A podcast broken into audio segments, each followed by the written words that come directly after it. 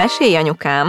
Mi fánterem a gyereked jövője? Sziasztok! Ez itt a 21. századi szülők podcast, az évamagazin.hu népszerű műsorának, a Mesélj anyukámnak és a mai szülőket segítő Edison platformnak a közös podcastja. Hét adáson keresztül bemutatunk nektek 21 könyvet, beszélgetünk 14 szakértővel, és sorra vesszük azokat a képességeket és kompetenciákat, amik a jövőben kulcsfontosságúak lesznek a gyerekeink számára. Ezáltal nekünk, szülőknek is pár lépéssel közelebb kerülhetünk ahhoz, hogy jobban megértsük, mi terem a gyerekek jövője.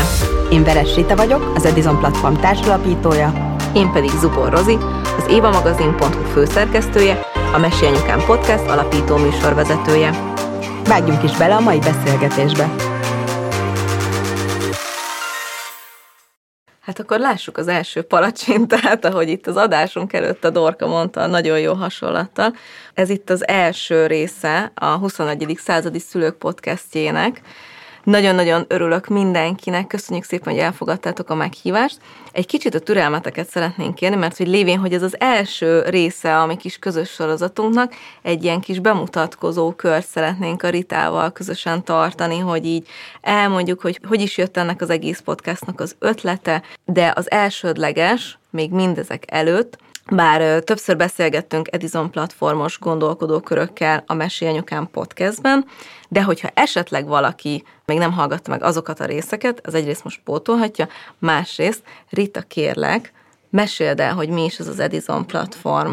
Ez nagyon szívesen, és azzal kezdeném, hogy az Edison platform nekem mit jelent, vagy miért is ülünk itt. Szóval nekem azt hiszem, ez innen indul ez a történet. Hogy az én egyik szenvedélyem, vagy amivel legszívesebben foglalkozom, és erről szól az Edison platform is, hogy a 21. században ahogy átalakul a munkavilága, hogy megváltozik körülöttünk minden egy ilyen nagyon gyorsuló, felgyorsított változásban élünk, abban hogyan lehet mégis valamilyen fogódzót találni, és mik azok a kulcsfontosságú tudások, kompetenciák, amik segítenek bennünket abban, és gyerekeket abban, hogy helytálljanak egy ilyen világban. Az Edison platformban azt keressük, azokat az innovatív fejlesztőket, akik iskolai kereteken túl nagyon innovatív eszközökkel nyúlnak hozzá, például az önismerethez, ami a mostani téma lesz, a kezdeményező képességhez, a kreativitáshoz, érzelmi intelligenciához, és valami olyan módszertant és tudást hoznak be, ami lehet, hogy éppen iskolai keret kereteken belül nem elérhető, és nagyon szeretnénk a szülőket segíteni abban, hogy nem csak ezeket a kezdeményezéseket találják meg, hanem ők hogyan tudnak fejlődni és megtalálni a saját eszköztárukat 21. századi szülőként. Úgyhogy erről szól a mostani podcastunk is, amit közösen indítunk, hogy átmenjünk és megbeszéljük ezeket a nagyon fontos kompetenciákat, ami egyébként nem csak a gyerekeknek fontos, és nem csak szülőként fontos valakinek, hanem általában fontosak a jövő szempontjából az egész adás kevés lenne szerintem felsorolni, hogy mennyi mindent csináltok, meg csináltatok az elmúlt időszakban, de csak pár dolog, a 21 leckes sorozatotok, most ugye a 21 könyvvel készültök. Hogy jött az ötlet, hogy még, még egy podcastot is csináljatok? Mi nagyon sokféleképpen szerettük volna ezt megközelíteni. Tehát ez sem egy olyan konkrét toolbox, hogy van három dolog, és akkor azt megcsavarozzuk, és akkor kész van, meg 12 szuper szakértői tanács, és kész vagyunk ezzel a témával.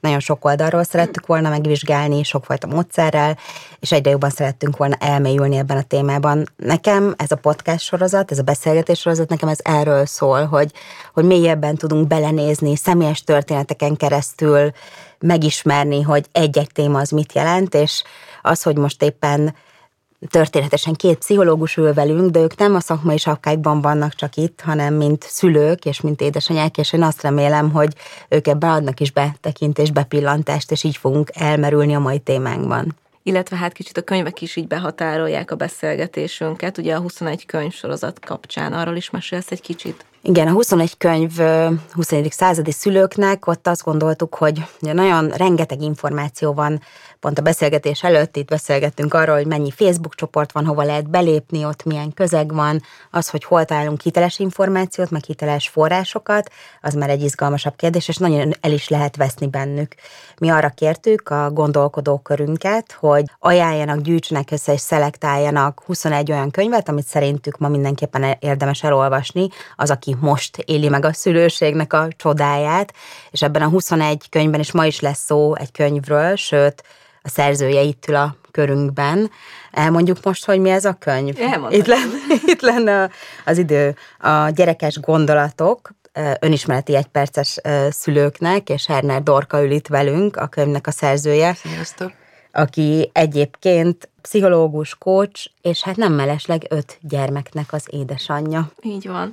És itt van velünk Bojti Andrea, aki pedig gyermekpszichológus, és neked pedig Andi, azért nagyon örülünk. Szia! Sziasztok!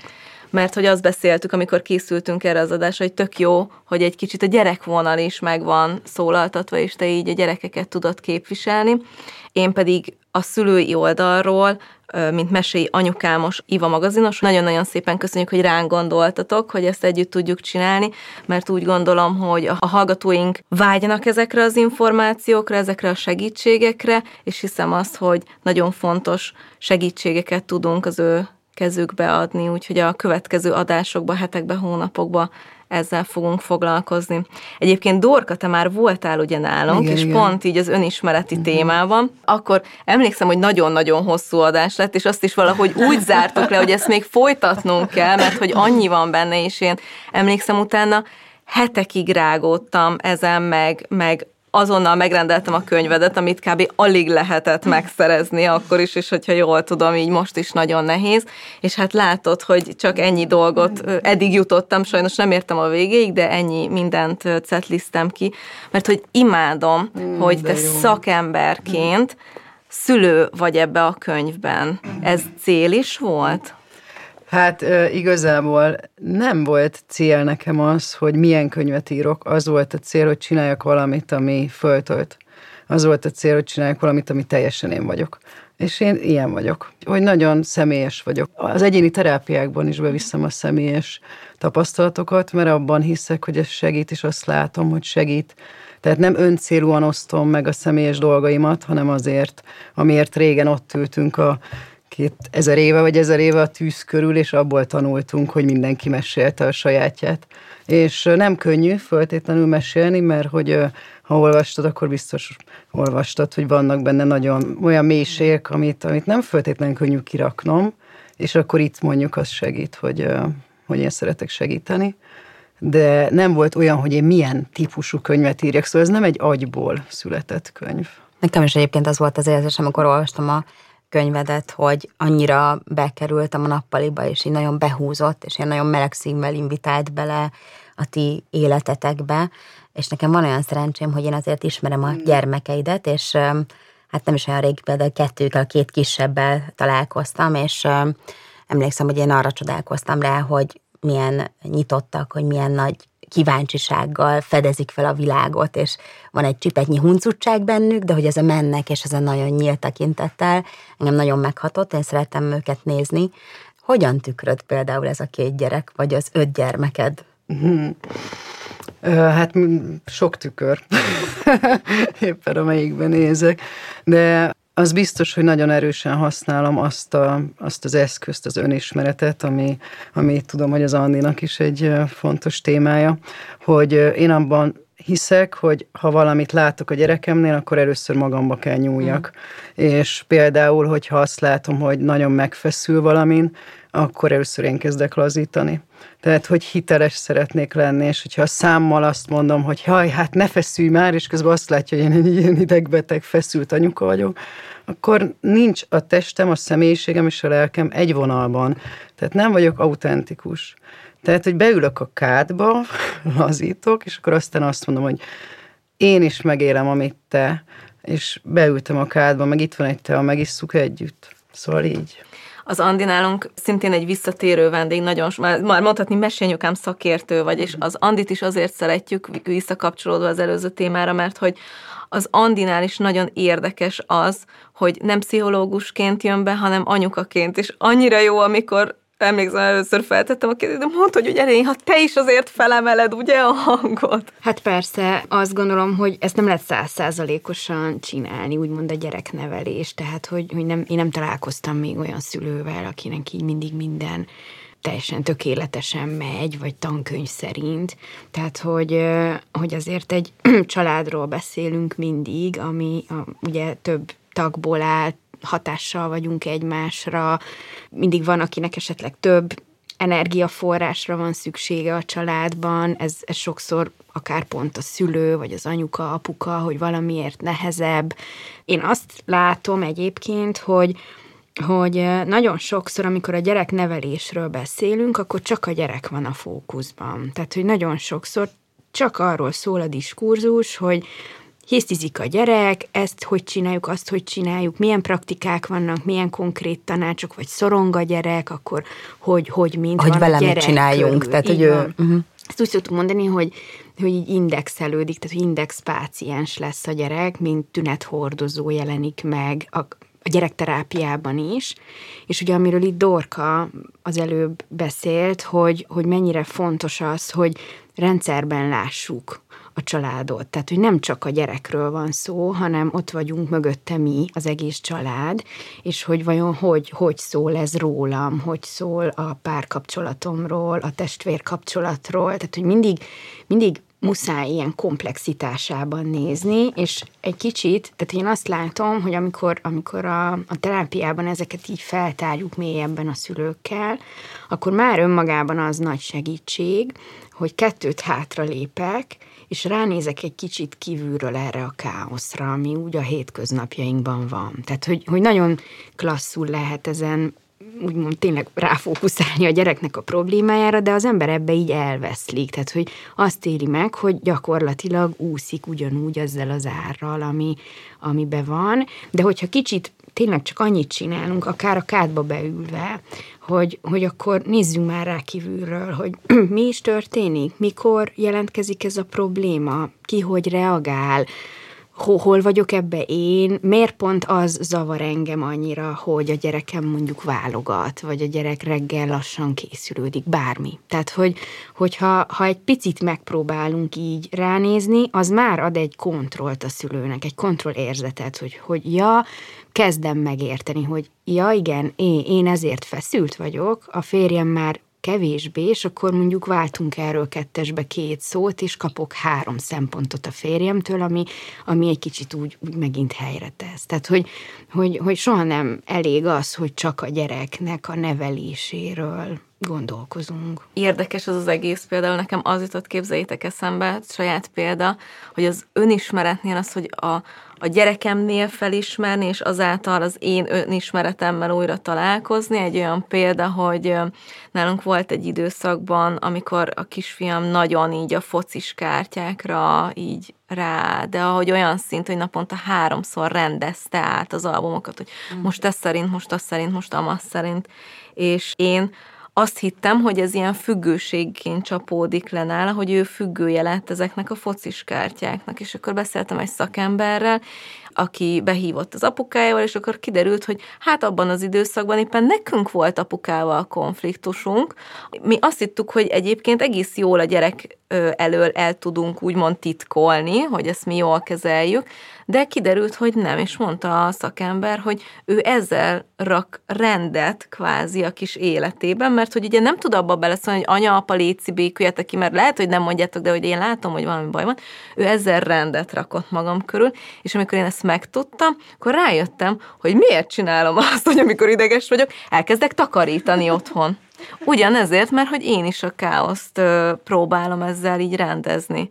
És hogy az jutott eszembe, hogy én az elmúlt mindjárt pár héten belül nyolc év óta, amióta anya vagyok, akkor emlékszem, hogy hát azt hittem, hát én már mindent tudok magamról, hogy mit akarok, hogy ki vagyok, hogy majd mi leszek, és így... És ez hányszor borul föl naponta, Rozi? Folyamatosan. és hogy annyi kérdésre segítenek választ adni. Hát öt gyerkőccel, meg gondolom, hogy hány, hány kérdésre kapsz új és új választ. Igen, igen, igen. Ahogy hallgatlak, azon gondolkozom, hogy nekem az önismeret az olyan, mint egy nyelv. Tehát, hogy nem, én nem szeretnék semmiképp olyannak tűnni, mint aki ilyen, jaj, de jól csinálom mindig, és ez milyen tökéletes, hanem én ezt a nyelvet elkezdtem tanulni, de nem az egyetemen adták a kezembe a diplomával. Tehát, hogy ez nem kell pszichológusnak lenni amit miről beszélünk az Andival, az tudunk vezetni vagy kísérni embereket abban, hogy ezt a nyelvet tanulják, és mi már valamennyire beszéljük, természetesen nem anyanyelvünk, vagy sajnos nem anyanyelvünk, tehát amit mi ebben a kultúrában nem tanulunk, az az önismeret.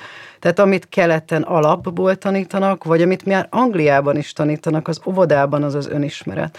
És hogyha én nem beszélek egy nyelvet, hogy adjam át a gyereknek, mert szerintem nagyon fontos, hogy a gyerek is beszélje ezt a nyelvet, de az első, hogy én megtanuljam ezt a nyelvet. És ahogy mondod, újra és újra szavakat tanulok hozzá, kifejezéseket tanulok hozzá a mai napig. Én a 19 évem, lassan 19 évem alatt is de hogy először nekem kell azt a nyelvet valamennyire beszélni, hogy aztán át tudjam adni. Nekem már beszélik a gyerekeim ezt a nyelvet, ami egy, egy nekem egy csoda, amikor mondjuk tegnap előtt az egyik szétesve reggel leül a fotelre, és ilyenkor nagyon sokáig az ment, hogy minket, szülőket bántott, mert ne, már negyedszere öltözik át, és, és sietni kell, és le kell vinni a kutyát, és minden baja van, és leül, és akkor először azt mondja, hogy mama, szét vagyok esve. És hogy annyira örültem ennek, mert hogy ez nem a testvérébe rúg bele, nem belém rúg bele, belém, hanem hogy észrevesz, hogy szét vagyok esve. És akkor oda megyünk, megöleljük, és azt mondom, hogy köszönöm, hogy ezt mondtad. És köszönöm, hogy, hogy és hogy ez egy csodálatos dolog, és hogy ez egy, ez egy siker az olyan, mint amikor, nem tudom, először tudsz kiflit kérni a boltban, és hogy ezt ünnepeljük meg magunknál is, amikor lépésről lépésre jutunk idáig, mert hogy ez abszolút tanulható dolog, és a gyerekeknél is. És szerintem ez nagyon fontos ez is, hogy nem ünnepeljük az önismereti sikereinket, hogy például te rá tudtál látni, hogy hányszor, amit, ez egy, uh-huh. lehetne, lehetne valódi ünnep, egy kocintás, egy, egy ajándék magunknak, bármi, hogy, hogy, hogy nem? De Andi, hogy szerintem nagyon nincs kultúrája ennek. Mi ezt megbeszéltük a barátnőimmel, hogy amennyire csak így lehet, hogy ezt így legalább egymásnak mondjuk mm. el, és azt mondjuk a másiknak, hogy figyelj, ez tök jó volt, mm. hogy ma, ma megoldottál egy olyan krízis helyzetet, vagy ma, ma reagáltál valamire úgy, ami, ami taps, ez, ez mm. nem magával, magától értetődő. És egyébként az jut ezzel kapcsolatban, így a nyelvvel kapcsolatban eszembe, hogy, hogy milyen érdekes, hogy, hogy ugye mi még abban nőttünk fel, hogy ne felesselj, maradj csöndbe, tűrjél, hogyha valaki azt mondja, akkor annak kell lennie, és hogy egyébként annak ellenére, hogy mondjuk én nekem a saját gyerekeimnek nem mondom ezt sose, valahogy ő bennük is bennük van, hogy nem lehet ám úgy feleselniük, vagy nem mondhatnak ellen, de nekem is pont egy hasonló volt a napokban, egy ilyen csütörtöki napon azt mondta is, hogy anya, én nagyon el vagyok fáradva, minden nap van van, anya, én most nagyon el vagyok fáradva, szombaton nem akarok oda menni, és mondta neki, hogy jó, és de anya, mondhatom azt, hogy nem? Hát mondom, persze, hát fáradt vagy, hát mondom, én is, hogyha fáradt vagyok, nyilván itt is van egy szabályrendszer, hogy mondjuk csütörtökön nem mondhatom a munkahelyemen azt, ahogy ő sem mondhatja csütörtökön, hogy ma anya nagyon fáradt vagyok, nem megyek iskába, de mondjuk szombaton, ami olyan program, arra mondhatjuk azt, és hogy erről állandóan mindennel kapcsolatban beszélünk, hogy a kommunikáció, ami mennyire hiányzik még mindig, hogy nem merjük kimondani a dolgokat. De hát sokszor, bocsánat, azért, mert nem tudjuk, hogy mit kéne kimondani. Tehát, hogy nem is vesz, én mondjuk, ha a tizen, nem tudom, öt évvel ezelőtt énemre gondolok, hát én nem is tudtam, hogy mi történik. Se anyaként, se nőként, se semmiként.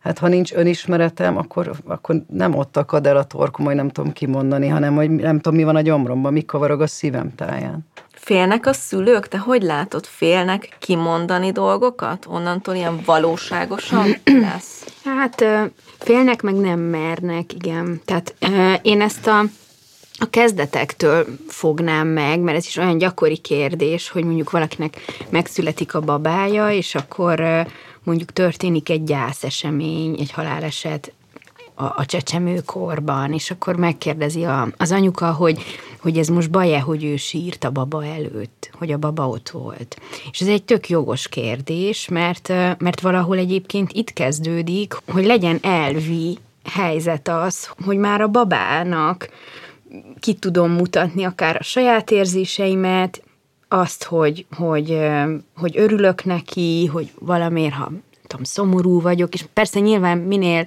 ö, kisebb egy gyerek, ezt az ember azért szűri, de hogy hiteles dolog az, hogy, hogy én, én is lehetek. Dühös valamiért, az, hogy ő az, tehát itt a dackorszak kezelésénél is olyan, alapvetés lehetne, vagy kellene, hogy legyen, hogy, hogy ez nem arról szól, hogy most a gyerek engedetlenkedik, vagy rosszat akar neked, vagy rosszul nevelted, hanem neki ilyen az eszköztára. Tehát egy másfél-két éves gyereknek ez az eszköztára most jött ki a csecsemőkorból, került bele a gyerek kisgyermekkorba, ez egy nagy átmeneti időszak, egy szakasz, és hogy, és hogy igenis, mondjuk az, hogy, hogy a gyereknek a, a hisztiét, azt nem elnyomom, meg nem azt mondom, hogy, hogy akkor te most rossz gyerek vagy, hanem, hanem elbírjuk. És egyébként nekünk szülőknek ez egy nagyon nehéz dolog, hogy elbírni a gyereknek a feszültségét, vagy úgymond így elhordozni, meg tükrözni, hogy, hogy, hogy kapjon teret erre, hogy igen, lehet. Tehát lehet dühös rám, ő haragudhat rám azért, mert én nem engedem meg neki az ötödik mesét, és ezt megfogalmazhatom neki, és különben könnyebb is. Tehát, hogy a gyerek is az egy kézzelfoghatóbb dolog, hogy, hogy akkor most Nyilván ő azt fogja mondani, hogy rossz vagy anya, de persze ezt meg lehet utána korrigálni, hogy most nem összességében vagyok rossz anya, hanem most akkor te dühös vagy rám, amiért nem engedtem, hogy csokit tegyél ebéd előtt. Tehát ezeket már önmagában, ha meg tudjuk fogalmazni, vagy közvetíteni a gyerek felé, ott kezdődik valahol ez a fajta önismeret a gyereknek, hogy, hogy az érzéseket, ki lehet fejezni, hogy nevet adunk neki. Én mindig olyan szomorúan gondolok abba bele, a mi generációnkban, mondjuk ilyen 30-as, 40-es korosztály, hogyha most itt sarkítom a példát, de csak hogy értsétek, hogy, hogy mondjuk egy 40-es férfi ember a saját édesanyja temetésén nem tud sírni. És azért abban, ha így mélyen belegondolunk, hogy tényleg mit hozunk mi, hogy mennyire az ember hogy hogy élem meg azt, hogy mondjuk elsírom magam egy felnőtt közegben, holott ez egy teljesen normális érzés, és egy valid dolog, és milyen jó lenne, ha tudnánk sírni, de hát nem, hanem, hanem ez, tehát ugye hosszú távon így látszik a, a személyiség fejlődésben, hogy ez, ez elvezethet odáig, hogy akkor különböző szorongásos patológiák, alkoholizmus, mindenféle nehézségek jelennek meg a felnőtt életében, mert nem tudja, nem tudja jól csatornázni ezeket a negatív érzéseket.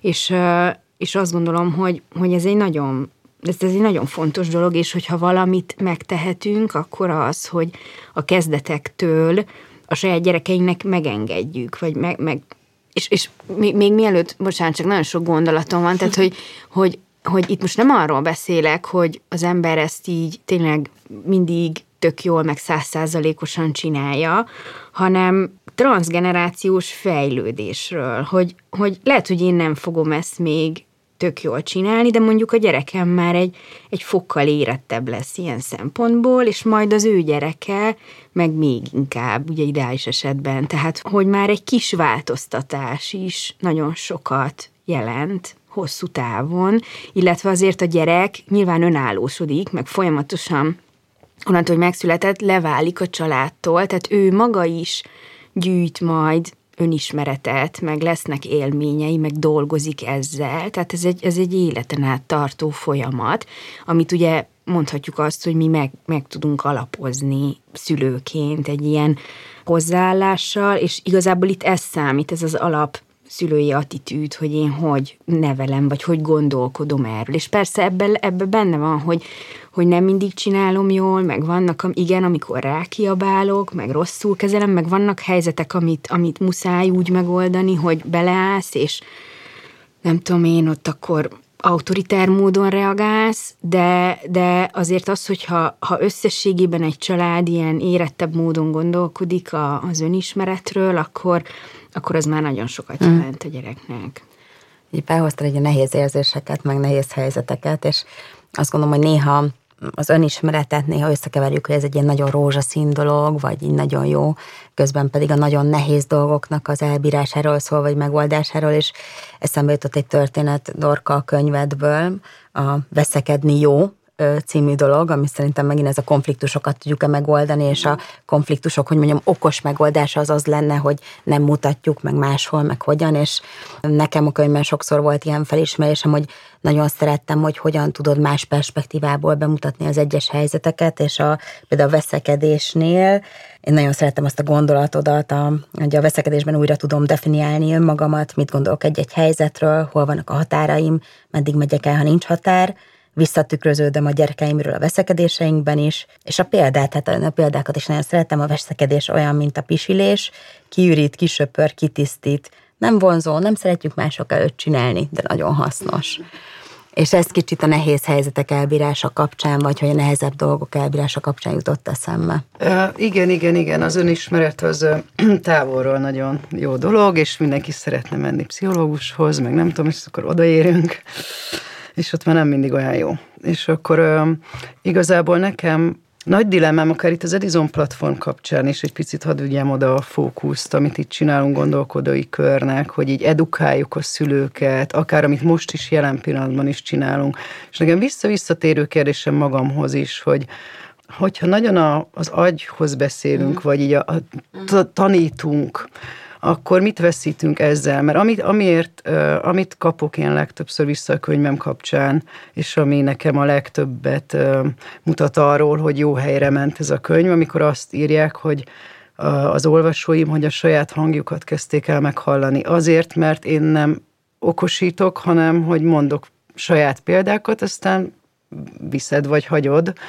És nekem az egyik legfontosabb küldetésem, vagy amit leginkább azt gondolom, hogy segít, hogy az anyukáknak a saját belső hangjukat meghallani. Tehát, hogy nincs olyan, hogy jó, én nekem mi a jó, én, is, én, én ismerem a gyerekem legjobban, én ismerem magamat legjobban. Lehet, hogy most távol vagyok attól a ponttól, mert fáradt vagyok, mert nincs ismeretem egy csomó szempontból, de hogy mindenki képes arra, hogy ezt az ősi tudást, ezt az ősi ösztönös amikor így oda tudunk úgy, ott tudunk lenni a gyerekeinknek, és egy, ott tudunk lenni magunknak úgy, hogy az a leginkább kerek legyen. És ilyen szempontból sokszor elvisz az edukálás.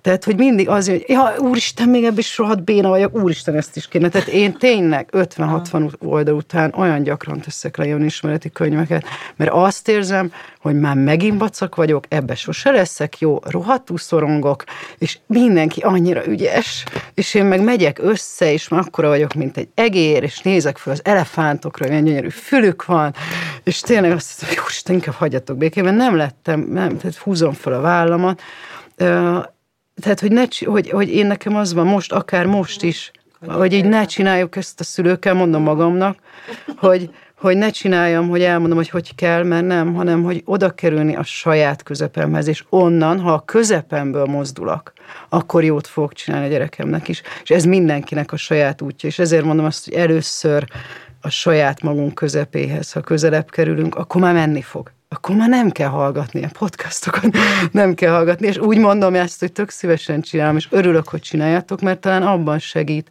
hogy mindenki a saját hangját és a saját igazát megtalálja anyaként is. És hogy ebbe támogassuk így egymást, meg, meg a, az anyukákat. Ez nekem egy fontos vonal. Én azt gondolom, hogy amikor készültünk erre beszélgetésre, akkor pont gondolkoztunk ilyeneket, és miközben fontos a tudatosítás, mm. és fontos a nagyon zsigeri, az is egy izgalmas dolog, hogy ez hogy működhet, hogy hogyan liftezel a fejedből a szívedbe, a, oda a gyomrodba, azt egyébként hogy, hogyan lehet csinálni, mert közben mindegyik fontos, és mindkettő tökre nézek itt, mert tudom, hogy közben fontos az edukációs, és csináljuk is, meg való ez történik, de Na, szóval ez, ez, ez egy ilyen liftezés, vagy ez hogy történik? A, a zsigeri, az agyi, a ösztönös, a tudatos, a, mi ennek a receptje? Ne, ja, nem recept, most ez már, már most rossz dorka, ugye?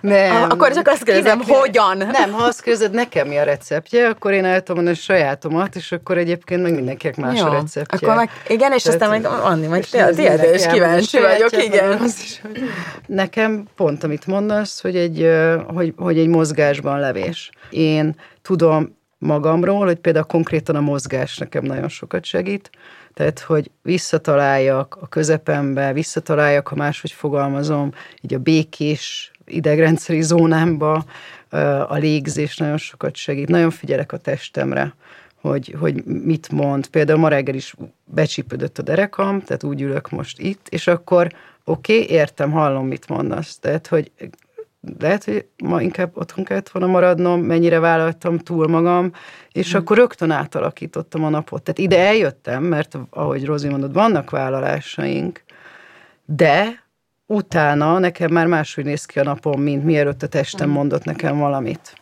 az egyensúlykeresés, hogy igen, vagyok fejben, tehát edukálom magam, mm. tehát hogy olvasok, hallgatok podcastokat, és, és elindulok a gondolatra, a gondolatot szeretem lejjebb vinni, és nekem ez a zsigeri szint, akár a kádba beülés, a meditálás, a mozgás, hogy ha megállít fönt a nyakamnál, akkor fejnehéz leszek, tehát hogy én így húzom le földelem a gyomromba viszem, és akkor aztán meg onnan meghúzom föl, tehát kicsit nekem olyan, mint egy, egy ilyen nyolcas. Van a közepem, és akkor följövök, a fönti dolgot leviszem, a lentit fölhozom, de azért van egy közepem. Ez Nekem azt is jelenti, hogyha valamit például olvasol vagy hallgatsz, akkor amúgy is nyilván van egy szűrőd, hogy abból mit engedsz, és ahogy így engeded le, az még inkább szűri meg, és nem tudom, kérdezed meg tényleg a gyomrod a szívet, hogy neked ez mondott-e valamit, és mi igen, az, van, amit így... Igen, bocsánat, hogy van erre kijelölt időm, tehát hogy a hajnal az nekem arról szól, hogy ezt csinálom, tehát hogy nem mondjuk hallgatok valamit a kocsiban, miközben vezetek, megyek a gyerekekért, és akkor abból valami megragad, akkor addig nem megyek tovább, amíg ezzel nem foglalkoztam mondjuk egy mozgás közben, egy mozgás meditáció, egy meditáció, egy, egy egy, nem tudom, egy csak egy kádban relaxáció mm. alatt. Hogy ez nekem valamiért megragadta a figyelmem, egy picit megborzongtam, egy picit valami gyomros volt, mm. megütötte, valahogy a testem jelzett valamit, nagyon fontos a test. A test megmondja, hogy azzal nekem dolgom van, hogyha van bele kommunikációm a testemmel, és meg, meghallom, hogy valamit akar mondani és akkor azzal nem megyek, tehát nem megyek tovább a következő podcastra, meg a következő, a következő könyvre, mert akkor leszek fejleszni. Haj, ez is milyen jó gondolat, ez is milyen jó gondolat. és megy... csinálni, nem? Igen, és megyek így előre, húz a fejem, de a testem ott van, mert hogy még azzal se dolgoztam meg, azzal az egy jó gondolat, tehát itt nagyon jó, hogy tele össze fejem, csak akkor már nem kapok levegőt. Tehát, hogy annyira, annyira szaladok. Nekem ez a receptem. Andi, neked? Hát nehéz ezt megfogalmazni, hogy, hogy mi a receptem, mert nekem ami egy megélésem volt, azt gondolom, talán ezzel nem vagyok egyedül, hogy ugye, ha maradunk így a szülőség, meg a gyereknevelés témánál, hogy, hogy az embernek így megszületik a gyereke, és akkor tényleg tényleg az van, hogy, hogy egy csomó minden információ egyszer csak így rázuhan az emberre, mert nem találkoztunk ezzel korábban, tehát ma már nem úgy élünk, hogy együtt élnek a családok, és akkor ott én az unokatesóm gyerekét nevelgettem húsz évesen, meg tudom mi az, hogy csecsemő, meg hogy viselkedik, meg miket csinál, tehát hogy nagyon sok dolog így, így hirtelen rázuhan az emberre, és, és mondom, amit én látok, főleg a kisgyerekes szülőknél, hogy, hogy tényleg az edukációnak van az a szintje, amikor egy kicsit így túl gondolja az ember, vagy túlságosan most ha mondhatom így magunkkal itt, nem tudom mennyire ellentmondásba, de hogy azért ezt túlzásba lehet vinni, hogy most önismeret. Meg eleve megfoghatatlan mm. sokszor ez a szó, hogy önismeret, és akkor így túl analizálni, túl nagy jelentőséget tulajdonítani ennek, hogy hú, most rákiabáltam a gyerekre, biztos kötődési zavara lesz. Én olyan ö, szomorú ezeket hétről hétre olvasni, amikor ezt kérdezik az anyukák, hogy hú, most akkor két napra bementem a kórházba, mert beteg vagyok, kötődési zavara lesz a gyereknek. Tehát, hogy, hogy egyszerűen oké, okay, hogy van egy csomó pszichológiai tudásunk, de azért a pszichológia nem úgy gondolkodik, hogy ilyen nyílegyenes okokozati összefüggések, és akkor hú, most akkor biztos, hogy ennek ez vagy az lesz a következménye. Tehát, hogy ebben nagyon el lehet menni egy ilyen tényleg szorongó irányba, és, és akkor ez elhallgattatja az ösztönös belső hangjainkat. Tehát tényleg, tényleg nagyon fontos az, hogy valahol a, valahol a, a, a kettő között így meglegyen a mesdje, hogy, hogy igen, akkor hallgatok a saját érzéseimre, és ha én azt élem meg, hogy a külön szobába alszik a csecsemőm, és én nem tudok aludni normálisan a másik szobába, mert a hát azon izgulok, hogy mi van a gyerekkel, akkor most miért ne fekhetnék oda? Mm. Tehát, hogy látjuk azt, hogy egy csomó helyzetből ilyen nagy kardinális kérdés és megosztó vita téma lesz, hogy most akkor hogy aludjunk együtt, vagy külön a gyerekkel, vagy akár milyen ilyen nevelési kérdésben, de hogy most akkor, ha ilyen receptet kell megfogalmazni, akkor, akkor ami nagy segítség, és ez önismeret is, meg, meg nem is tudom, meg így ennek a tudatosságnak a keveredése, hogy, hogy azért nem egyedül vagyok benne. Tehát, hogy itt nem én egyedül anyukaként harcolom ezt a szélmalmot, van egy apuka, ugye, meg van egy család, tehát akármilyen család, itt a tágabb családnál is, tehát az is számít, és hogy, és hogy igazából, igazából nem gondolom azt, hogy föl kell venni egy az egyben egy anyának azt a terhet, hogy most akkor, akkor most csak az anya-gyerek kapcsolat, és akkor, és akkor én hogy hatok a gyerekre, stb. Van annak a gyereknek egy tágabb környezete is, aki őt körbeveszi, és ez egy, ezek ilyen, vagy, vagy számomra ezek ilyen, ilyen hatalmas felismerések voltak, hogy már amikor mondjuk szánunk időt arra, hogy este leülünk ketten átbeszélni egy helyzetet úgy, hogy én gyerekpszichológus vagyok, a férjem közgazdász, tehát teljesen más beállítottságú, és mondjuk elmond olyan dolgokat, meg olyan meglátásokat, amire mondjuk én ebben a magam kis pszichológiai világában lehet, hogy eszembe se jutott volna, vagy kapok tőle olyan visszajelzést, ami tökre megerősít, vagy, vagy egy irányba terel, és egyébként már most akkor persze itt tényleg reggelig beszélgethetnénk ezekről a mélységekről, de hogy ez egy nagyon fontos dolog szerintem, hogy családban és rendszerben gondolkodjunk, és igenis a, az apuka is hoz a saját családjából mintákat, ő is hatással van a gyerekre, a gyerek személyiség fejlődésének. Most akkor, most akkor itt egybe családokról beszélünk, de hát nyilván egy elvált családnál ugyanez van, tehát hogy, hogy most bárhogy is van. Egyébként még, hogyha a gyerek nem is tudja, hogy ki az apja, akkor is hatással van az apja rá, meg van egy képe, egy belső képe az apáról. Tehát, hogy ez egy, hogy ez egy, ez egy közös projektünk, hogyha mondhatom így, és, és itt, itt családi önismeretről is lehet ilyen szempontból beszélni, meg, meg azt gondolom, hogy ez egy, ez egy szóval hogy azért ez tud egy tök jó megerősítő, vagy ilyen lazító dolog is lenni, hogy nem, nem egy per egybe vagyunk ebbe benne, és igenis lehet, hogy én adott esetben nem tudok kezelni egy helyzetet, vagy túlfáradt vagyok, vagy arra van szükségem, hogy én elutazom hétvégén a barátnőmhöz, ez most megtörtént példa, hét év után először, de hogy, tehát, hogy egyszerűen többen vagyunk ebben, és hogy, és hogy erre mindenképpen így,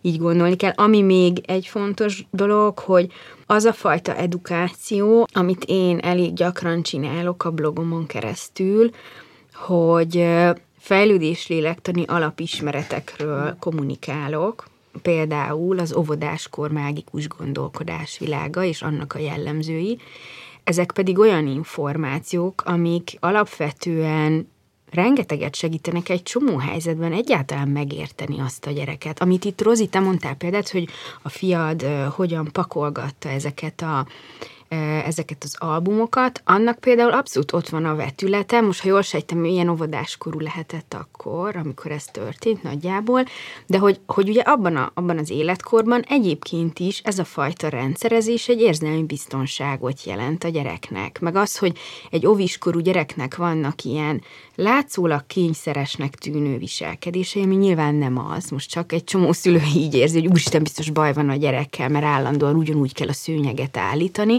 de hogy ez egy csomó ideig egy normatív életkori jelenség, és hogy én azt gondolom, hogy, hogy ezeket, hogyha tudjuk, hogy mi az, hogy szeparációs szorongás, hogy a beszoktatás egy óvodába mivel jár, hogy három hónapot legalább adunk egy új élethelyzetnek, mire megszokja a gyerek, legyen szó testvérszületésről, bölcsi kezdésről, bármi, akkor már azért ez viszont olyan alaptudás, amit nyilván az iskolába kéne tanulnunk, de hogy azért ez is kicsit így ad egy magabiztosságot, hogy, hogy azért nem arról van szó, hogy a gyerekem patológiás, mert a hatodik héten az óviban egyszer csak kiborul, és többet nem akar menni, vagy elutasítja az ételt ja, most esett le neki, hogy ide már mindig járni kell. Tehát, hogy, hogy olyan banálisnak tűnő dolog, amikor az ember megérti, de hát gondoljunk bele, hogy amúgy meg milyen jó, ha tudom, hogy egyébként meg, aha, a kamaszkorban most az van, hogy. Én ezt mondom egy ilyen edukációs fontos résznek, ami közvetetten önismeret ilyen szempontból, de de fontos. Mennyire igazad van tényleg, hogy ez a nagyon alapkészlet, nagyon alaptudások, amik segítenek kicsit így kikövezni az utat, azok valóban, tehát hogy mondjam, ugye nem nincsenek sehol se tanítva, és hogy mennyire hasznosak, hogy Igen, kicsit megőre, megőrizze az ember meg. a józan eszét talán, még ahhoz is. Igen, nekem az jutott eszembe, hogy itt a közösség, vagy arról beszélt, hogy nem vagyunk egyedül, hogy beszéltünk itt a beszélgetés előtt ilyen online közösségekről, és hogy mennyi, mennyiszer meglátjuk, megéljük ott, hogy, hogy bántásokat kapunk, megítéléseket kapunk, akár csak bújtatottan kicsit manipulatívan a sorok között, hogy hát én persze nem mondok véleményt, de nekem kicsit fura, hogy Rozi, te ezt mondtad. És akkor hát kicsit úgy, hogy övön alul egy picit érezt, hogy így kicsit összenyomtalak. Nekem az jut eszembe, hogy ha azt érzem valahol, hogy mielőtt bemegyek abba a szobába, jobban vagyok, mi, miután kijöttem, akkor nem menjek oda többet. Tehát, hogy egy toxikus környezet, ha én megyek egy Facebook csoportba, és ott folyamatosan azt élem meg, hogy úristen, egyre kisebb vagyok, és ez is rossz, és elveszik az amúgy sem sok erőm, akkor oda nem menjek. Tehát ez csak azért, hogy edukálásnak hívhatunk akár egy toxikus környezetben is egy dolgot. Tehát, hogy nem az edukálás, az az edukálás, mondjuk hallgatni itt, ahogy meséltél az előbb erről az edukálásról, nekem jó érzés volt, de ezt lehet úgy is csinálni, hogy én összemenjek. Aha. Tehát, hogyha egy ahogyha téged hallgattak, oda szívesen megyek újra. Ahogyha meg azt érzem, hogy ó, tényleg annyira okos, basszus, én ezt nem tudom csinálni, akkor ez nem az én helyem. Tehát, hogy ez lehet egy olyan, amit úgy, az itt belül év, figyeljek arra, hogy hogy van a gyomrom, és hogy van a szívem, és lépjek arra felé, ahol jó, ahol én utána úgy érzem, hogy kijöttem, és egyszerűen felszabadultabb vagyok. És ha felszabadultabb vagyok, lehet ez egy online hímzéses csoport is, már bocsánat, de akkor jobban nyukkal leszek, ha azzal töltöm az időmet, hogy keresztszemet, vagy nem tudom, nem értek hozzá, bocsánat, de hogy hímzek, vagy kötök, vagy bármit csinálok, mert akkor utána én attól egyszerűen attól, hogy jobban érzem magam, jobban fog működni, nem fogom bántani, nem fog beszólni, nem fog szorulni, és ha ez edukálással, edukálással máshogy, máshogy, tehát, hogy én, én nekem ez egy nagyon jó tanácsadó, nekem az, amikor így egyszerűen csak figyeljek az, a testérzeteimre. Igen, és én erre reflektálnék azzal még, hogy én kifejezetten azt gondolom, hogy, hogy tényleg bántalmazó tud lenni egy, egy ilyen online tér, ami, aminek toxikus a légköre, és nagyon elvisz egy olyan irányba, hogy, hogy az ember ebben a, tehát hogy, hogy a saját életét átteszi erre az online felületre ahelyett, hogy a saját maga jelenjében lenne benne. Tehát ne tudjátok meg, milyen aha élményeim vannak, vagy vannak a pároknak. Mondjuk én elég sokat konzultálok szülőkkel terápiában, amikor egészen egyszerűen ott a terápiás térben lehetőség nyílik arra, hogy ilyen vezetett módon meghallgatják egymásnak a, a gondolatait. Mert hogy persze az ember neveli a gyerekét, megy a mókuskerék, apuka mondjuk, mondom a tipikus példát, apuka egész nap dolgozik, későn hazaér, ledarálják a gyerekeket, estére mindenki fáradt. Szerintem ez mindenkinek ismerős, bealszik a gyerekkel, és akkor az van, még este lehet, hogy az ágyba nyomogatja az ember a telefonját, és mondjuk benne van egy online ilyen közösségi életben, hogy mit tudom én, olvas nagy, nem tudom, okosságokat az Instagramon, meg, meg, meg ilyen közösség, és hogy, és hogy tulajdonképpen egy ilyen párhuzamos világban él, mondjuk az apa meg az anya, és nincs tér arra, vagy csak nagyon kevés, hogy, hogy akkor beszéljünk már egy kicsit arról, hogy amúgy mi van velünk. És ezek ilyen nagyon banális, meg egyszerű dolgok, de, de ezt, ezt meg lehet csinálni, ez nem egy hókusz-pókusz, ehhez nem kell pszichológus, hogy tudatosan mondjuk azt, hogy jó, akkor pénteken felkelünk, nem alszunk be a gyerekekkel, kimegyünk, és akkor egy kicsit beszélünk arról, hogy hogy is van ez az iskola kezdés, miért, miért szorong ennyire a gyerek az iskolától, ki mit, hogy, mint gondol. Tehát, hogy... Ja, ja, igen, ahogy hallgatlak, az is úgy teszem, hogy ez nem csak az online, tehát, hogy ezt simán a családba is meg tudom élni, Pont hogy ezt akartam toxikus mondani. a családom. Tehát, hogy én azt gondolom, hogy egyébként nagyon, nagyon érdekes, mert akkor most nem menj oda, valaki. tudod? Igen, most küldte át valaki, hogy a Bibliában is benne van, Jézus Krisztus megmondta, ti nem vagytok a testvérem, ők a testvéreim. Tehát, hogy az a testvérem, akit testvériséget élek meg, Persze. és nem az, aki, aki mondjuk toxikus, vagy a nagynéni, vagy az anyuka, vagy az anyós. Tehát, hogy ugyan ez, ez, ez, ez a kultúránk sokszor, sok, tehát online, hát, nem online. Meg a játszótéri anyukák, Igen. meg a stb., de hogy tehát tényleg ez egy ilyen én védelem, hogy akkor, akkor egyetlen kinek tárulkozom ki. Tehát nem az van, ér valami, vagy van valamilyen meglátásom, bizonytalanságom a gyereknevelés témájába, és akkor azt én elkezdem fűnek, fának elmondogatni, akkor nyilván ö, kaphatok olyan visszajelzéseket, amik, amik bántalmazóak, vagy amik nem találnak be, mert, vagy betalálnak, mert, mert ö, nem jó emberrel osztottam meg. Tehát ez is megint egy ilyen ö, hogyha már ilyen konkrét idézőbe tanácsokat kéne adni, akkor ez megint egy olyan dolog, hogy, hogy szűrjük azt, hogy ki az, akivel meg tudom osztani. Tehát most, most miért osszam én meg a gondolatomat egy olyan másik emberrel, kollégával, akárkivel, akivel teljesen más a világnézetünk. Hogyha tudom, hogy nekem mondjuk az egy hatalmas erőfeszítés, mondjuk őt meggyőzni arról, hogy vajon én miért csinálom jól vagy rosszul. Tehát, hogy, hogy már ez, ez egy fontos dolog, hogy kikkel osztjuk meg, és, és, és igen, itt, a, a, itt közben meg azért persze az is jó, hogyha megosztjuk, tehát, hogy most én tehát, azzal- hogy valamennyi, tehát, hogy, hogy Én azzal találkozom, hogy sokan nem osztják igen, meg hogy pont nem osztják ezért. meg, tehát hogy, hogy közben meg, meg legyen, tehát hogy jó az, hogyha van néhány ember a családból, a baráti körből, akivel lehet mélyebben beszélgetni bizonyos kérdésekről, kapni impulzusokat, azok nagyon sokat hozzá tudnak tenni, és tényleg nehéz a sok mindenféle olvasott, meg tanács, meg stb., hogy így a saját, a saját életünket ö, megtalálni, hogy akkor tényleg nekünk mi is a jó, de szerintem valahol ez a cél, hogy igen, én meghallgatom az anyósomat, ő mond egy aspektust, az anyám mond, a barátnőm, meg a férjem, és akkor mi magunk kialakítjuk. Például egy nagyon egyszerű példa, csak hogy értsétek, karácsony. Ugye az is jön nem sokára, hogy legyen a családban a karácsony. És akkor ugye nyilván mindenki hoz valamilyen szokásrendszert, és akkor abból így összelegózzuk magunknak, hogy, hogy nekem tetszik az, hogy minden évben új díszek kerülgettek a karácsonyfára, és mai napig ott van a 30 éve készített kis papírdísz, amit én csináltam általános iskolába, akkor ezt hozzuk. Lehet, hogy a férjeméknél mindig egyszínű volt a fa. Most ezek ilyen kis apró dolgok, csak hogy magát az ünnepet is így, így összeválogatjuk, hogy igen, lehet, hogy vannak családok, ahol misére mennek, ő, ők így gondolják, a másik soha nem karácsonyozna együtt szenteste a, a tágabb családdal csak saját maguk, nálunk ez lehet, hogy vegyes. Na, egy picit ilyen ez az egész gyereknevelős kérdés is, hogy, hogy, hogy az évek során így folyamatosan kialakul a saját családi karácsonyunk, meg ugye a saját gyereknevelési rendszerünk, amiben megpróbáljuk jól érezni magunkat. És ha toxikus a család, akkor tök érthető, hogy mi nem szentestézünk együtt, vagy le tudjuk egy évben egyszer a karácsonyt velük úgy, hogy ott vagyunk két órát, az alkoholista nagybácsinál, tehát hogy ezt, ezt ugye így meg tudjuk, ki tudjuk alakítani, és hogy valahogy de ugye ez sem egy kommunikáció nélkül, anélkül, hogy ne beszélnénk meg, mert egyébként meg ugye mi van egy halom konfliktus, hogyha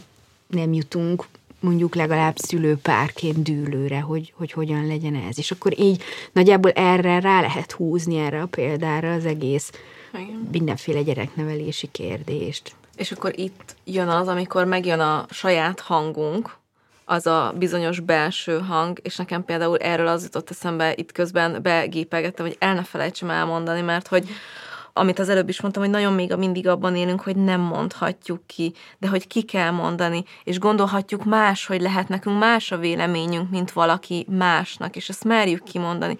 És nekem például egy saját élményem, ami így az én önismeretem, meg a család, hogy, hogy, hogy nem csak a saját hangom, de hogy minden ki másnak a hangja is, képzeljétek el, pont egy ilyen karácsony alkalmával, Ugye nekem már édesanyám nem él, de a nagymamám velünk karácsonyozott, és képzeljétek el, hogy ott játszottak a gyerekek, valamit csináltak, és a nagymamám mondott egy olyan mondatot, azért merem mondani, mert én ezt utána megbeszéltem vele, mondott egy olyat, hogy ha nem fog szépen viselkedni, nem fognak szeretni.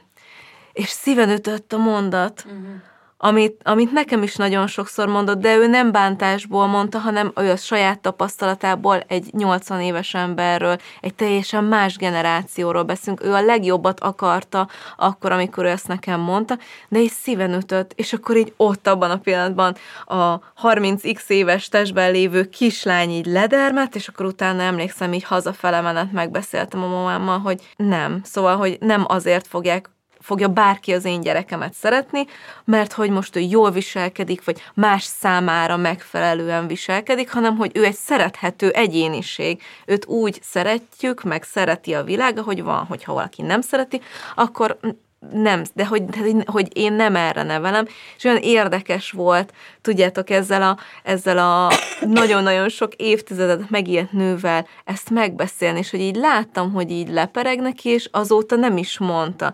De hogy ehhez kell az az önismeret, hogy, hogy már én is kiléptem abból, hogy én mondhatom a nagymamámnak azt, hogy létszes, azt nem mond a gyerekemnek, és hogy kultúráltan meg tudtuk beszélni. Szóval, hogy, hogy ez ilyen milyen érdekes tényleg az egészben, hogy, hogy amikor alakul ez a belső hang, mert az évek alatt alakul, nem lesz meg rögtön, de hogy alakul, hogy akkor legyen ez a bátorság is, hogy akkor te ezt ki tudd adni, és szavakká tud formálni, és oda tud ülni, és azt mondja, hogy ezt lészes nem mond többet, nem? Igen, igen, az jut eszembe, hogy milyen gyakran a gyerekünkért tesszük meg először, a szülőknél, vagy a kutyánkért, vagy nem tudom. Tehát, hogy kiállunk a szeretteinkért, és hogy magunkat sokszor nem szeretjük annyira, vagy nem, nem tartjuk be, nem, nem tartjuk tiszteletben a saját határainkat annyira, mint amennyire elvárjuk másoktól, hogy a gyerekeink határát tiszteljék. Igen, de én nekem is segített, mert én nekem is Igen. nagyon sok mindent uh-huh. feldolgozott,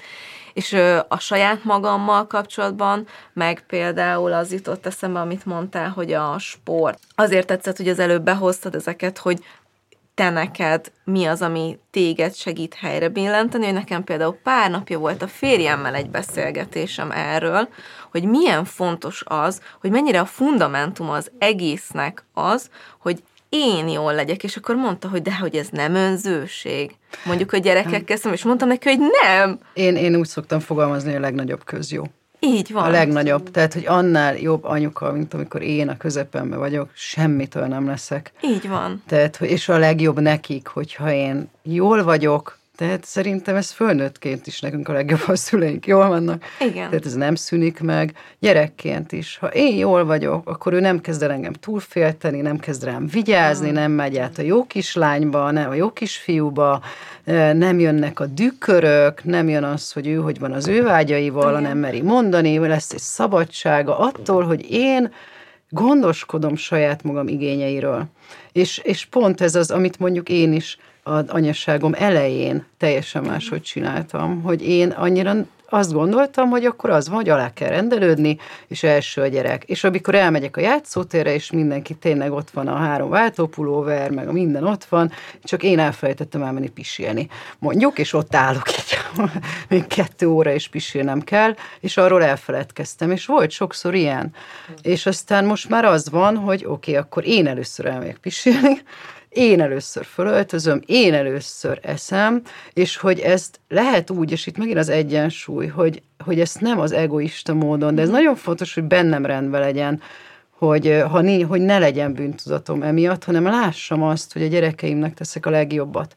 És tényleg én azt látom, hogy minden korosztályban a gyerekeimnek teszek a legjobbat, és ettől egyébként én mondjuk értékrendileg abszolút őket rakom előre. Tehát, mm. hogy, hogy azért is csinálom, hogy nekik jó legyen, és, és nagyon sokszor döntés alapján magamat hátra rakom, de az nagyon fontos, hogy ott van egy icipici idő, most már, amikor döntést hozok. Tehát amikor azt kérdezi a nem tudom, már olyan korú gyerekem, aki tud magának csinálni vacsorát, hogy csinálsz nekem vacsorát, és most már nem automatikus, hogy azt mondom, hogy igen, hanem veszek egy levegőt, tényleg így, így szinte csak így átsuhan az a pillanat, de én megállítom. Mm És akkor igen, és tudom, hogy én is szerettem volna lenni, viszont ott hoztam egy döntést, hogy nem leszek a Márt, tehát azt kerülöm el, hogy a mártír mhm. anya legyek, aki feláldozza magát ebben a csodálatos harcban. És, De hogyha uh, belegondoltok már, tehát hogy az egész társadalom is rákényszerít erre a helyzetre. Most csak egy ilyen tök hülye példa jutott eszembe, hogy onnan, tehát hogy megszületik a gyerek a kórházban, és hogy szólítanak? Anyuka. Uh-huh ott van ekkora betűvel az ágyon, meg az összes Igen. korlapon, mindenhol, hogy hogy hívnak téged és a, a, a nőgyógyászhoz hónapokig jársz, tudnia kellene a keresztnevedet. És te onnantól kezdve anyuka vagy. És utána, amikor a három éves gyereket megkérdezik, és hogy hívják anyukádat? Hát anyának. Nem, nem. Tehát, hogy nem, nem ez a nevem, hogy anya. Igen, és hogy ez nagyon fontos, hogy, De... hogy, hogy, hogy, hogy kiálljunk magunkért, hogy nem, nem szűnt meg, hanem hát... én továbbra is ott vagyok. Egyébként nekem a Dorka könyved, az nekem még nagyon erősen szólt valóban a választásokról, és hogy hogyan teszünk jól, amikor jól választunk, és le, legyen ez az előbbi példa, ez a mikor adok jól, vagy a hogyan adok jól, mert nem mindegy, hogy önfeláldozásból, na tessék, megcsinálom, igazi örömmel, választásból, most ez így lesz jó, nyugalomból teszem azt, bármit is adok, és, és amikor ezt olvastam, én ezt nagyon igaznak érzem, ez, tehát hogy a, a szándék a mögötte, a mi van a szívemben, a hogyan csinálom, az, az igenis bármiben át fog jönni, és a, ezért a Rozi hozzád is kapcsolódva, de a, az előbbi gondolatot folytatva mégis a, ez a közepembe vagyok kifejezés, ez lehet, hogy az még könnyebben befogadható, akkor nem az van, mert már a, az én jól vagyok, abban tényleg valóban van is, hogy hm, de és ő csak másodszorban legyen jól. Én tudom, én hol vagyok, én stabil, ebben benne van a, a stabilitás, a megvagyok, a tudom, az értem ennek a megérkezése, szóval nekem ez a kifejezés, az most nagyon, tehát ahogy mm. használtad, meg ahogy így elmondtad nekem, ez így nagyon sokat segített, vagy sokat adott, hogy, hogy odaérkezik meg az ember, és akkor nincs az a rossz érzése, hogy most jól, jól, jól vagyok, hanem, hanem ez erről szól. Mert... Igen, igen, és ugye ez azért is szerintem nagyon fontos, mert én így tudom a gyerekeimet arra megtanítani, hogy ők is az első vagy anya közepükben vannak, és ez ma, maximálisan, tehát ez nagyon nem csak az anyaság, ez, ez a munkahely, ez a párkapcsolat, tehát hogy ez rengeteg dologban a legcsodálatosabb olyan, amit a köznek a legjobbat teszek, a munkahelyemen a legjobbat teszek, a legjobb munkaerő vagyok, hogyha a közepemben vagyok, és hogyha oda visszatalálok. Tehát, hogy ez, ez ezért olyan nagyon összetett, és csak nagyon könnyű mondani. Ami, ami nekem egy ilyen fontos gondolat még itt, hogy én egy nagyon erős logisztikai rendszert viszek öt gyerekkel, de nagyon figyelek a lassúságra. És hogy ezek az időkonfettik, amik vannak, amik súlytalanok, és amik csak ilyen kis falatkák, mint amikor összeeszünk ilyen dolgokat, így összecsipegetünk, és aztán így fölfordul a gyomrom, hogy úristen, de igazából nem ettem semmit, de minden vackot összeettem. Ilyen ez az ez a van 10 percem, van 5 percem, nem tudok veled leülni, jaj, kicsit tanultam, jaj, magammal is egy kicsit foglalkoztam, mi, hogy is, pörgettem valamit a neten, de és, és, hogy ezt így összetömöríteni, mert akkor lehet belőle egy súlyos labdát csinálni, és ezt csinálom én reggel ötkor, igen, reggel öt, ötkor, és tehát kér, igenis kér az életemből. Elköteleződést, föláldozom az időmet, föláldozom az alvásidőmet, de gyúrok belőle egy súlyos golyót, és azt mondom, hogy oké, okay, akkor mielőtt elindul a nap, én már most lassítok, és akkor beülök egy kád, kádvízbe, és akkor ott igenis megkeresem a közepemet, mert én nem úgy ébredek reggel, sokan úgy ébrednek, én nem hogy jól vannak. Hogy és ébredsz reggel, Dorka? Örülök, hogy már érted, másfél óra kell, mire, mire úgy vagyok, hogy, hogy látsz. Mindenki szokta kérdezni terepre, te mindig ilyen jól vagy. Nem, basszus, én ezért úgy megdolgozom minden egyes nap. És egyébként tényleg jól vagyok az életemben, de ez munka. Mm. És nem, nem ezek az összecsipegetett időkonfettik fogják ö, elhozni. És hogy igen, tehát ha én meg tudom csinálni öt gyerekkel, akkor ezt meg lehet csinálni. Tehát én azt érzem, hogy ebbe hitelesen azt tudom mondani, hogy igen, és ezt elviszem az iskolába, és, és akkor van meleg kaja, és megnézem, hogy melyik egyetemre menjen, és leülök vele, és nem tudom, igen, de az az első, hogy ötkor beülök a kádba. De ahogy hallgatlak titeket, nekem az, az jött, hogy, hogy így az önismeret kapcsán, mint hogyha lenne bennünk egy ilyen nagyon mély szégyenérzet, hogy, hogy nem merem bevallani, hogy mondjuk én nekem másfél óra kell reggel, hogy, hogy félek attól, hogyha mondjuk hagyom a gyereknek, hogy sírjon, akkor majd mit fog más szólni. Értitek, hogy mire gondolok? Hogy, hogy ez a szégyenérzet szerintem még mindig nagyon erősen meggátol minket ebben. Hát igen, meg hogy, meg hogy, meg hogy igazából a, De, de tehát egy kicsit ez a kép, hogy akkor most kinek is akarok megfelelni, vagy szabad-e, vagy ez ilyen uri huncutság, hogy én, én most akkor elmegyek a manikűröshöz két hetente egyszer, tehát hogy, hogy tényleg van, tehát hogy tényleg változóban van a, körülöttünk így a társadalmi berendezkedés, az egész világ, hát rengeteget, tehát a rendszerváltás óta azért egy teljesen más társadalmi közegben élünk, és, és nagyon sokat változott a családnak is a, a struktúrája, meg, meg maga a család funkciója, tehát amíg a, mit tudom én, 50 évvel, 100 évvel ezelőtt a, a család egy túlélésért küzdött, és ott azok voltak a szempontok. Ugye most már mondhatjuk, hogy most akkor az önmegvalósítás, önismeret idejébe itt akkor mindenkinek minden szabad, és két veszekedés után elválunk, vagy szóval most túlzok nyilván, tehát, hogy ez a nem volt jobb dolga, én pont nemrég, mit tudom, valami bulvárcikkbe olvastam, hogy hát már jó dolgába mindenki válik, ilyen kommentet, de hogy egyébként... Már csak azért tennék. Nem, tehát, hogy egyébként ide akartam egy kicsit kiukadni, hogy most beszéltünk saját magunkról, de én jövök vissza a jó kis családterápiás rendszer szemléletemmel, hogy, hogy a párkapcsolatunk is egy ugyanilyen kő, amivel ugyanígy foglalkozni kellene. Tehát, hogy az, hogy apa meg anya lelép fél évente egy hétvégére, az nem luxus, meg urihuncutság, hanem a családunk alapja a párkapcsolat. Vagy az, hogy most akkor már azért elég idősek a gyerekek, akkor hagyjunk szót magunknak. Szóval azt, ha azt mondod az öt évesnek, hogy most akkor várd meg, hogy anya meg apa ezt a két szót megbeszéli, tehát hogy valahogy itt kezdődik, hogy e, engem mindig is az évek során gyakran megtaláltak, és most is dolgozom e, vállófélbe lévő párokkal, akiknek segítek a sokszor akkor keresnek, amikor még a gyerek nem tudja, hogy válni fognak. Tehát én a gyerek körüli gyerek elhelyezés, hogyan mondjuk el a gyereknek, és ilyen kérdésekben elég sokat konzultálok párokkal. Ugye hát ennek kapcsán azért látom nagyon erősen ezt a a helyzetet, hogy milyen az, amikor, amikor így, így elveszlik a párkapcsolat, mondjuk egy tíz év gyereknevelés után. És, és akkor az van, hogy apuka maradok a klasszik példánál, dolgozik, nagyon sokat dolgozik, anyuka feláldozva magát anyuka, és, és valahol a, a két fél egy párhuzamos, vagy egyre távolodó világban él, és már nem közösen hajtjuk azt a szekeret. Hát nem lehet elmenni a KSH adatai mellett, ahol ugye minden második házasság végződik, meg száz bontóperrel véget érő házasság, tehát itt olyan kapcsolatokról beszélünk, ahol papíron elváltak a szülők, százból 25-30-ban érintett hat év alatti gyerek, tehát azért ezek súlyos adatok, föl lehet menni, meg lehet nézni, én, én néha meg szoktam nézni, mert mondom nekem ez témám, tehát hogy itt azért megint visszatérek arra, hogy igen, egyéni önismeret, meg, meg ugye itt a család, hogy akkor azért több, többen vagyunk ebben, és ne csak az anyákról beszéljünk.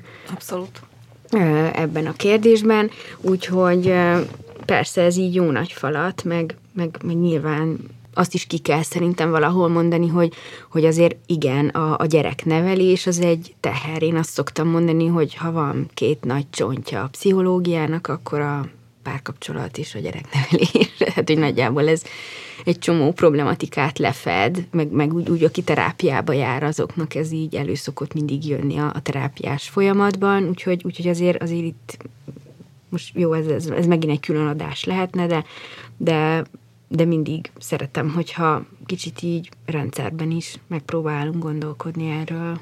Az jutott eszembe a rendszer, hogy ki, kijebb mennék még a hagymahéjon, hogy vagyunk itt egymásnak, és hogy nem biztos, hogy az a család, ami régen volt, vagy az a falu, ami régen volt, de vagyunk mondjuk barátnők. Tehát az, hogy amit most úgy hallgattalak téged, hogy, hogy mind azt éreztem, hogy oké, okay, én vagyok az anyukkal, meg én vagyok a párkapcsolatban az egyik, úristen, akkor már többféle olyan súly van rajtam, hogy akkor a párkapcsolatban is ott vagyok, meg a szülőként, ugyanúgy az apuka szülőként, meg párkapcsolatban, ha van egy nagymama, aki, aki rá lehet terhelni, amíg mi elmegyünk moziba, tehát, hogy akkor a nagymamák, tehát, hogy ha én nagymama vagyok, akkor vállaljam azt a, azt a szerepet, hogy akkor én főzök, amed, ameddig ti elmentek mulatni. Hogyha én egy barátnő vagyok, akkor is meg tudom csinálni. Aj, ne hülyeskedj, mert átviszem, átkísérem a tiédet is, elviszem az edzésre. Menjél egy meg picit, nem tudom, menjen jogázni, tök minden. Igen, a testvérek. És a testvérek úgy is értem, ahogy már mondtam, hogy nem feltétlenül az a testvér, aki vér szerinti testvérem, hanem aki az a testvér, ha én váltam, én amikor, tehát én váltam, én pontosan tudom, hogy az milyen. Ezért, hogyha valaki mondjuk egy ilyen helyzetben van, nekem nem kell azt elmagyarázni, hogy mondjuk az a segítség, hogy oda megyek egy nagy zacskó bevásárlással, és lerakom az ajtónál. És, az, és e, tehát, hogy, hogy hogy segítünk tettekkel segítünk. Nekem ez a nagyon fontos. Tettekkel. Tehát amikor az egyik gyerekemnek eltört a lába, óvodás volt, és akkor az anyuka, az ovis egy, egy ovis anyuka, aki nem szoros barátnő, azonnal meghallja ezt, és az első, hogy oké, okay, elviszem a testvérét a játszóra. Amikor én megszültem a gyerekeimet, mit csinál a barátnőm? Egyrészt hoz egy társ krumplit, mint egy rakott krumplit, a másik, hogy fogja az összes többi gyerekemet, és elviszi egy napra a strandra. Ez a segítség, tettekkel. Tehát, hogy nem az, hogy jaj, és akkor hmm, nem tudom, jaj, hát jaj, de szeretnék segíteni. Nem, hogy tudok? Mi az, amit meg tudok tenni? Menjek el bevásárolni, vigyek neki kaját, vegyem át, én például tök szívesen hívok magunkhoz gyereket. Mindenki azt, hogy úristen, nem is neked elég. Hát, hogy, jöjjenek, hogy jöjjenek, tök más Igen. energia lesz Igen. nekem, könnyebb. Igen. Tehát, hogy jöjjenek, és akkor milyen jó, és adjuk vissza, aztán vigyék az enyémet, az is nagyon jó, vigyétek. Tehát, hogy adjuk oda egymásnak, mindig a másik, tehát a gyerekem máshoz sokkal jobb fej. Tehát, hogy így, és egy másik gyereke is nálam jobb fej. Tehát, hogy, hogy így segítsük egymást, mert hogy azt, ugye ez a falu kell a gyerek fölneveléséhez, tehát két, tehát két ember nem elég nem, egy nem. gyerab gyerek fölneveléséhez, sem. Tehát nagymamák, kedves nagymamák, nagypapák, testvérek, barátnők, Abszolút. segítsük meg egymást, és akkor ebben persze önismeret, fontos kérnem, tudni kérnem. Tehát, hogy nekem ez például egy nagy tanulás volt, hogy, hogy, hogy merjek és tudjak kérni. Ez is egy önismereti kérdés. Ez totál. Én úgy örülök egyébként, hogy a beszélgetés végére nagyon kizumoltunk, és tényleg behoztuk a másik hagymahéjakat, tehát, hogy beszéltünk magunkról is, meg az önismeretünkről, és nagyon egyre jobban került elő, hogy a rendszer része, a család része, a barátok, a, hogy néz ki. Ugye az elején én még azt a gondolatot is szerettem, csak így vissza akartam hozni, amikor a gyerekekről beszéltünk, hogy a gyerekek hogyan vannak ebben, és milyen fontos, amikor megismerjük, hogy meglátjuk az ő első, nem tudom, kis bimbójukat, ahogy kimondják, ahogy megérzik, ahogy megtalálják mondjuk a saját közepüket, és, és mégis, és örülök, hogy abba az egyénből mégis így kimentünk, és lassan végére érünk a beszélgetésnek. Én egy gondolatot hoztam, igazából a, Kicsit, kicsit, tehát igen, valahogy kicsit sajnálom, hogy meg a gyerekek, tehát a gyerekek kapcsán még nem tudtunk már beszélni, de ma már nem fér bele, hogy a gyerekeknél hogyan tudjuk ezt, nem tudom, bontogatni, vagy segíteni, vagy terelgetni, vagy majd a torka megmondja a helyes igét. Na most tényleg, szóval ez, ez most kicsit így hiányzik, de nem baj, mert azért beszéltünk róla, meg elkezdtük ezt a témát. Én, én azt a gondolatot akartam még elmondani, hogy amikor a Dorka könyvét olvastam, akkor volt egy mondat, hogy az önismeret, mint eszköz egy univerzális, láthatatlan szerszámkészlet, nincs olyan csavar, ami nem mozdítható el vele, repedés, ami nem tömíthető be. És ezen nagyon elgondolkoztam, szerintem ez egy szép gondolat, hogy ezt egy ilyen univerzális, láthatatlan szerszámkészletként tudunk nézni rá. Igen. Úgy gondolom, hogy szerintem ezt simán lehet a Dorka könyvével folytatni, akinek ez ilyen jó gondolatindító volt az a beszélgetés, mert teli van jó dologgal, és arra reflektálva, amikor azt mondtad, hogy mutatni kell, és hogy ez ezért jó ez a könyv, mert hogy írott formában, de mutatod, hogy hogy lehet, és hogy mi is mutatni tudjuk, és nekem az egyik kedvenc részem, amit így címkéztem, meg aláhúztam, meg mindent, és azóta mondom a gyerekeimnek is, hogy aki nem lép egyszerre, az kap puszit estére. És ezzel, ezzel szeretném zárni, hogy szerintem ez nagyon fontos, hogy tényleg merjük úgy csinálni, ahogy, ahogy nekünk jó, ahogy úgy látjuk, hogy nekünk és a gyerekeinknek jó, és nem, nem a standard dolgokat továbbvinni, mert hogy abból fog a nap végén valami jó kisülni. Úgyhogy nagyon-nagyon hálásak vagyunk nektek, hogy jöttetek és beszélgettünk egy jót. Én is köszönöm szépen. Köszönöm én is. Köszönjük. Köszönjük. Sziasztok. Sziasztok. Sziasztok. Sziasztok. Ha tetszett ez a beszélgetés, értékeljétek, osszátok meg másokkal is, hogy minél több 21. századi szülőhöz eljuthasson. Látogassatok el az edisonplatform.hu oldalra, és töltsétek le a teljes könyvlistát. Böngészétek az Edison 100 listát, ismerjetek meg innovatív gyerekeket, fejlesztőket. És ha már ott jártok, és többet szeretnétek tudni a 21. századi tudás fájáról, iratkozzatok fel a 21 lecke 21. századi szülőknek sorozatra. Sziasztok! A műsor a Béton partnere.